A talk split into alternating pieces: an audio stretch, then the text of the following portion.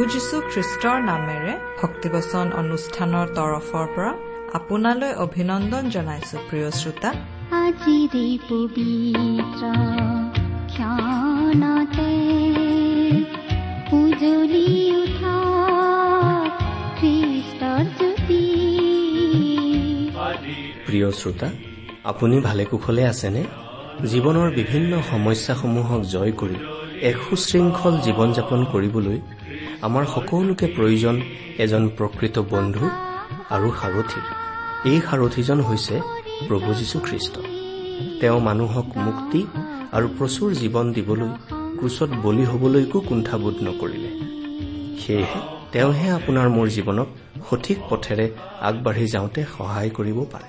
তেওঁত আশ্ৰয় লৈ আমাৰ জীৱনে প্ৰকৃততে সঠিক জীৱনৰ বাট বিচাৰি পায়। গতিকে তেওঁৰ বিষয়ে আৰু অধিককৈ জানিবলৈ পবিত্ৰ বাইবেলৰ এই শিক্ষামূলক অনুষ্ঠান ভক্তিবচন মনোযোগেৰে শুনো।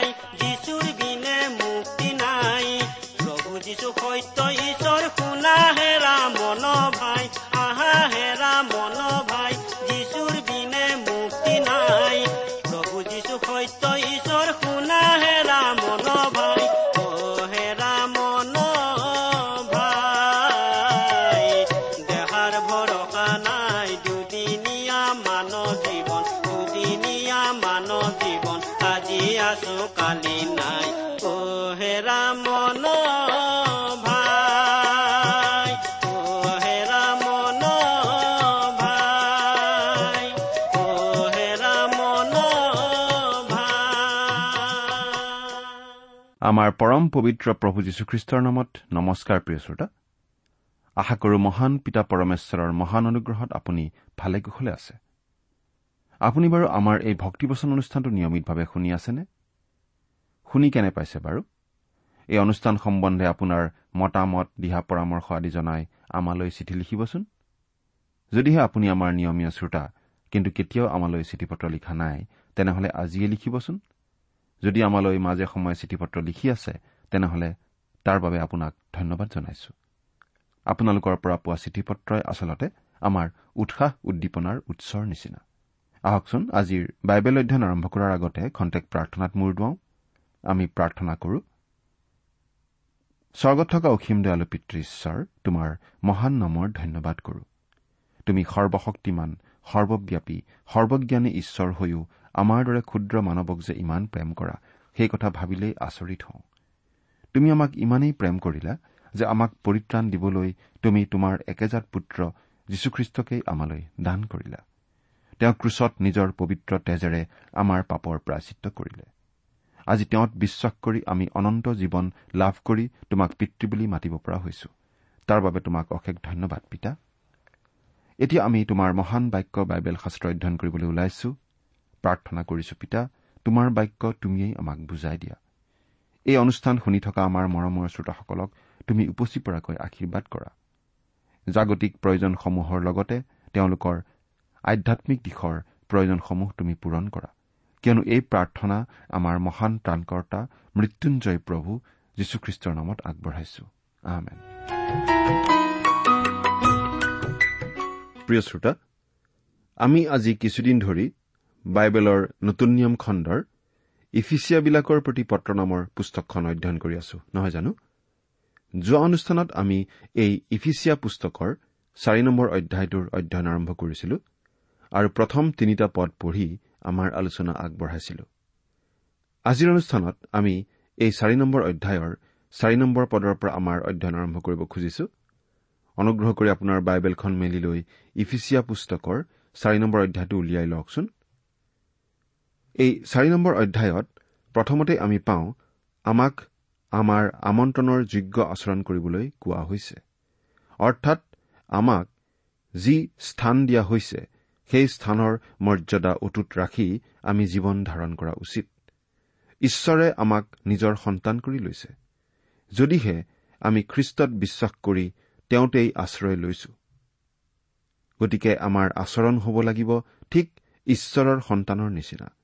কোনো ছাল ছিগা ভিকহুৰ সন্তানৰ নিচিনা নহয়। ঈশ্বৰে আমাক আমন্ত্ৰণ কৰিছে পবিত্ৰতালৈ।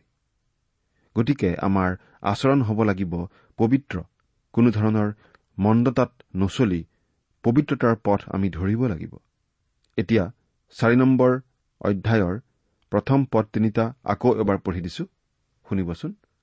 এতেকে প্ৰভূত বন্দী আৰ্জি মই মই তোমালোকক এই মিনতি কৰো যে তোমালোকে সকলো নম্ৰতা আৰু মৃদুতাৰে আৰু চিৰসহিষ্ণুতাৰে প্ৰেমত পৰস্পৰে সহন কৰি যি আমন্ত্ৰণেৰে আমন্ত্ৰিত হলা তাৰ যোগ্য আচৰণ কৰা।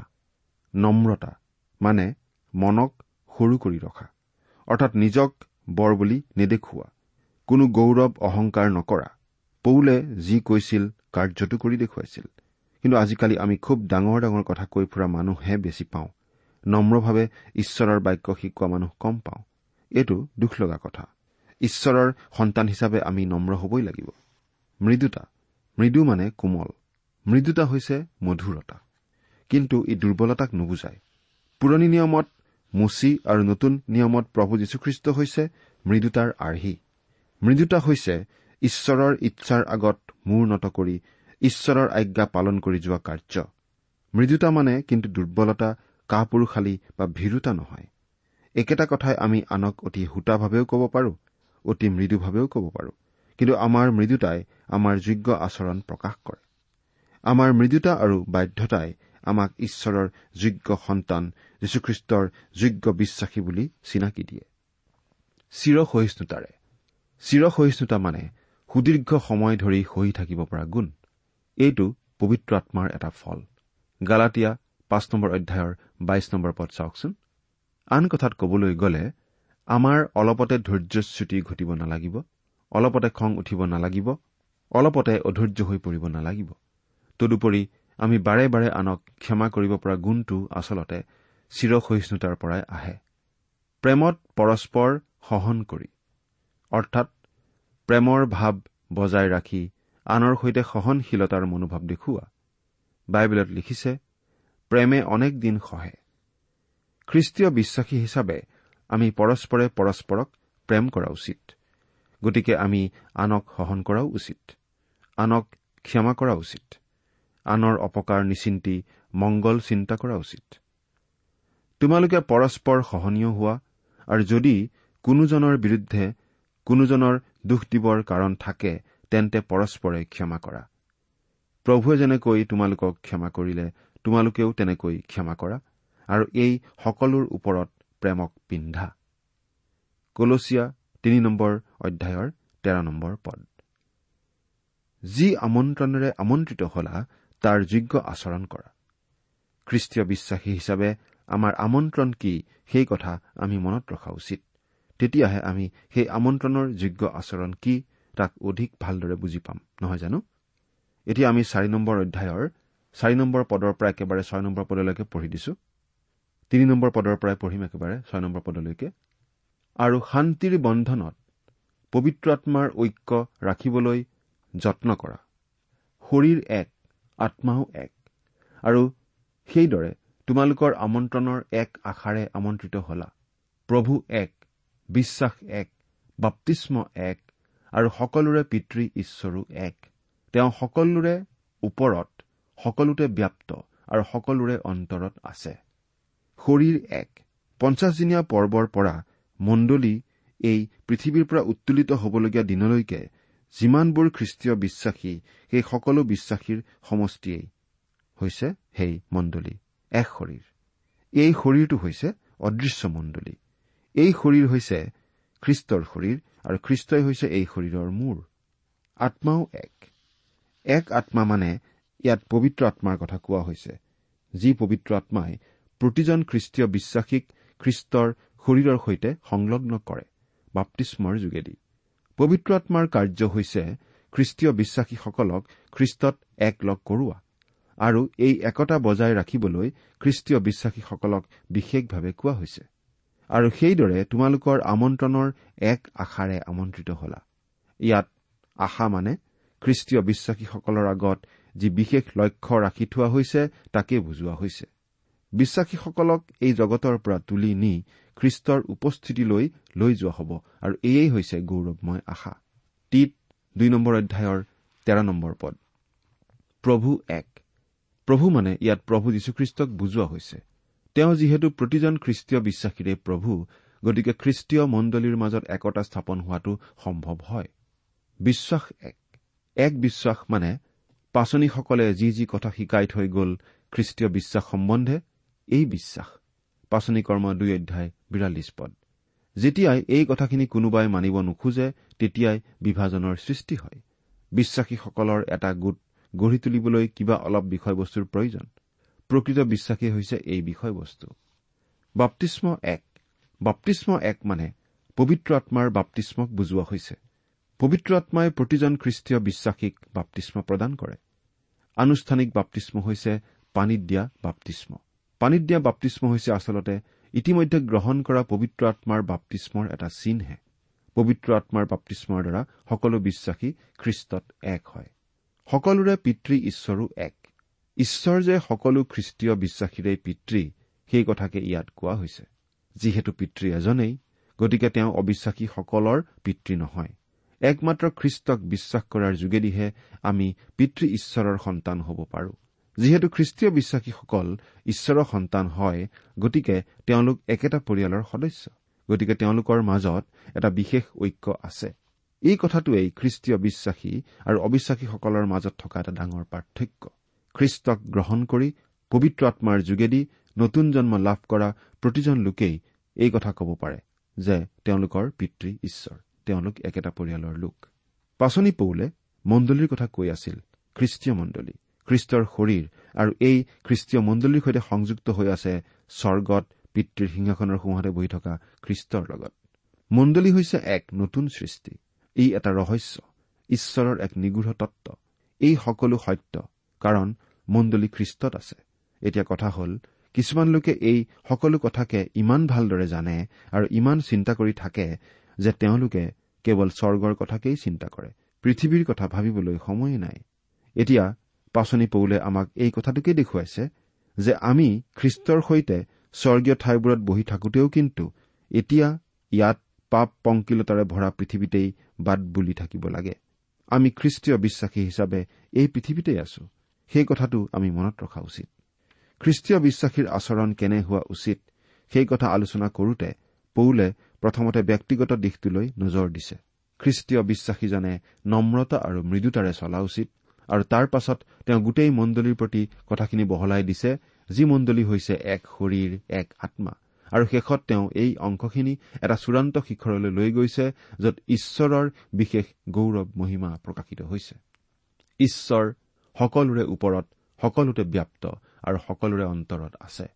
অৰ্থাৎ ঈশ্বৰ তেওঁৰ সৃষ্টিৰ পৰিধিৰ বাহিৰ। তেওঁ নিজৰ সৃষ্টিৰ ওপৰত নিৰ্ভৰশীল নহয়।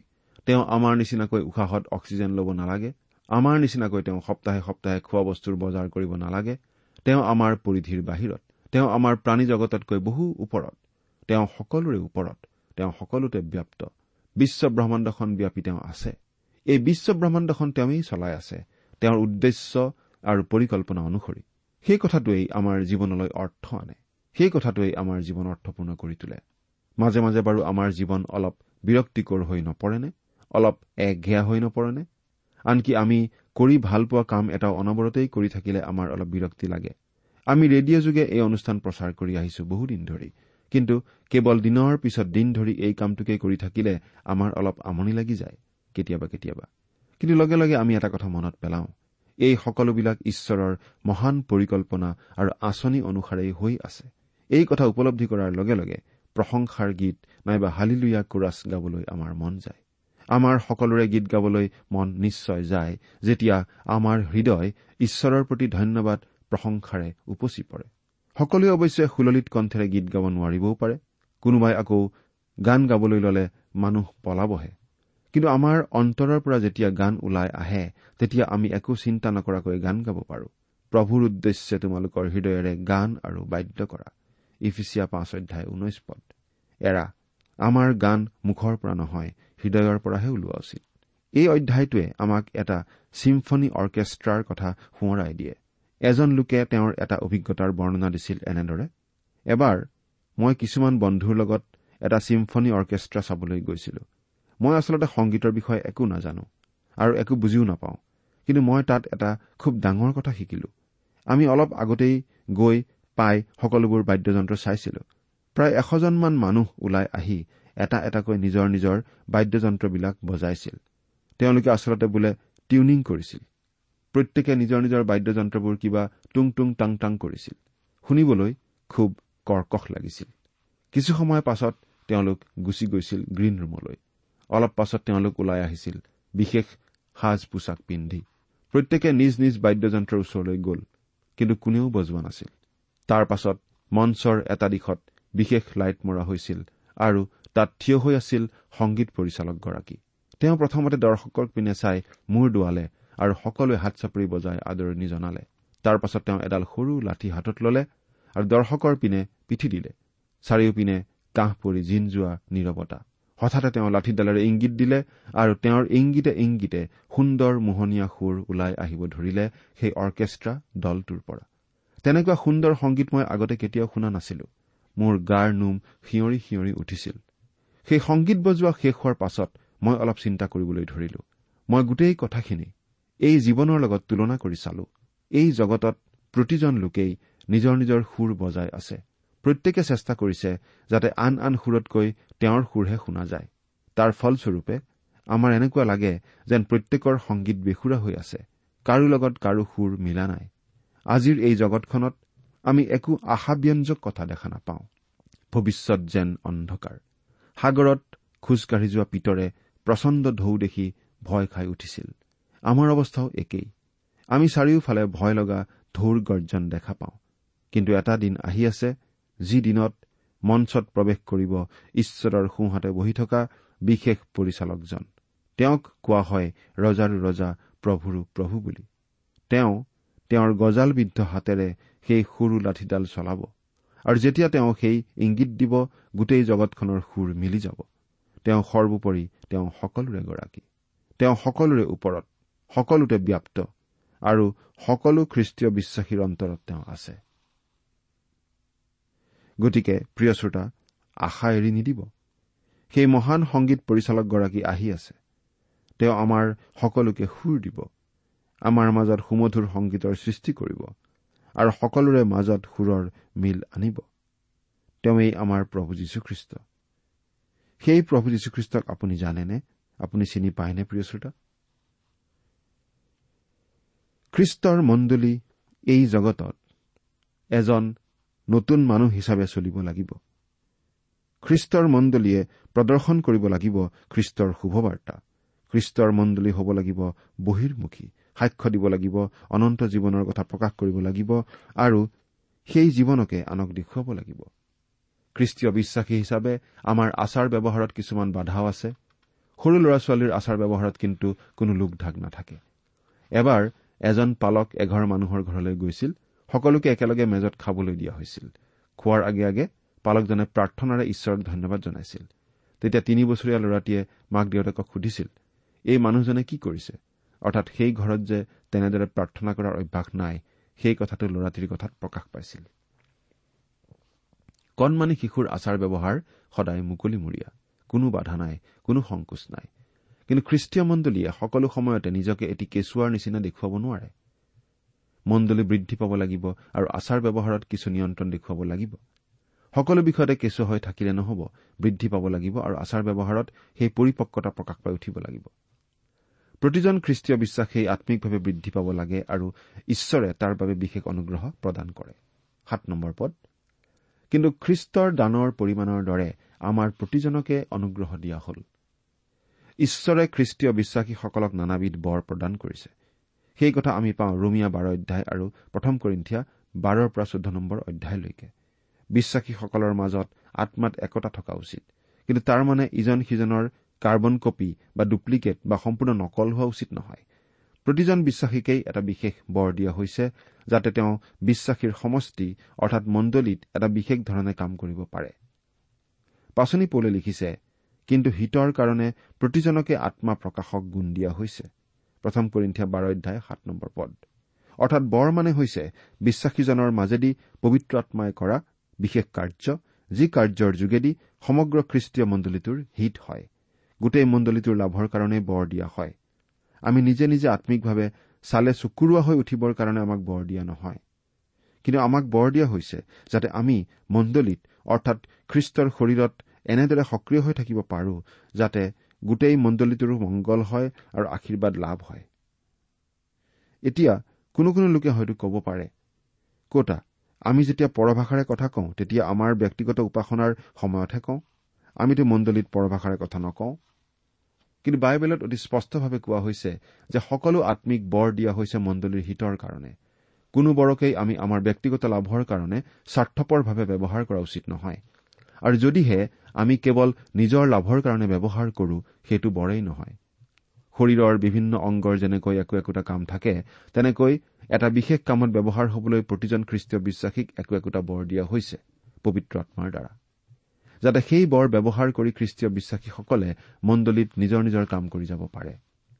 ধৰি লওক ৰাতিপুৱা বিচনাত মোক মোৰ চকু জুৰিয়ে কলে যে সিহঁতৰ টোপনি ধৰি আছে গতিকে সিহঁতে মোৰ লগত বিচনাৰ পৰা নুঠে। ধৰক মোৰ ভৰি দুখনে কলে যে সিহঁতে মোক মোৰ পঢ়া ৰুমলৈ চলাই লৈ নাযায় কিন্তু মোক চকুও লাগিব ভৰিও লাগিব। আৰু লগতে মোৰ মগজুটোৱেও সহযোগ কৰিব লাগিব যাতে মই মোৰ পঢ়া শুনাৰ কাম কৰিব পাৰো। আচলতে মোৰ শৰীৰৰ প্ৰতিটো অংগই ঠিকমতে কাম কৰিব লাগিব।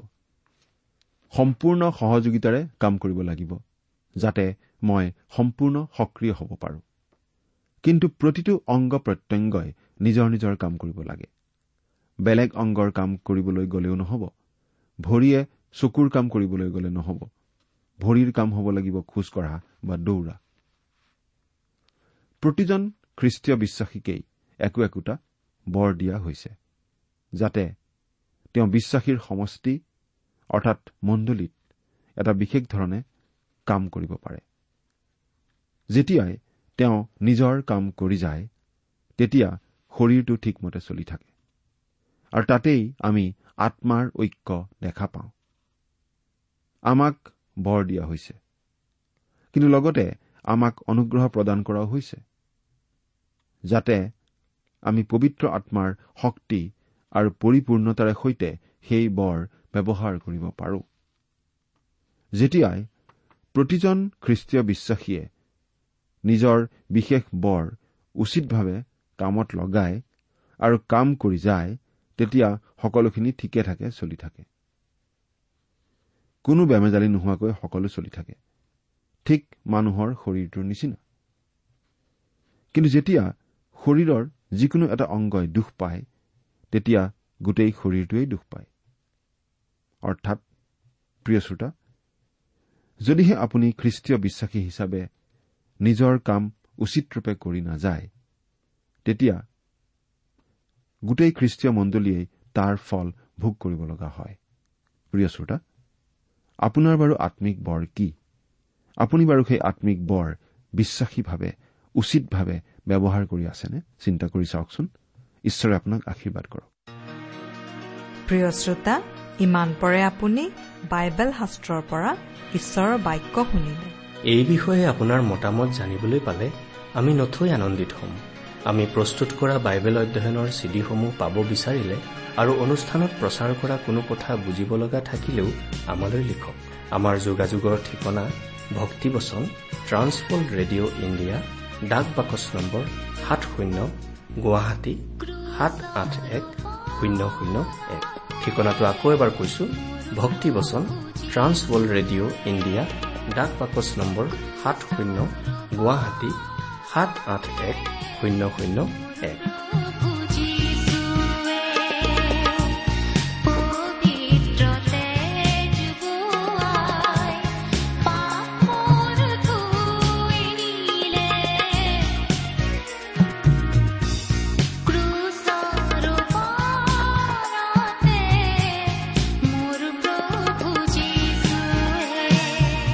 আমাৰ ইমেইল এড্ৰেছটো হৈছে Assamese T TV at the rate radio' eight eight two dot com. আমাৰ website W W W dot T W R dot in. আপুনি টেলিফোনৰ মাধ্যমেৰেও আমাক যোগাযোগ কৰিব পাৰে। আমাৰ টেলিফোন নম্বৰটো হৈছে nine eight five four zero' four zero' eight eight nine.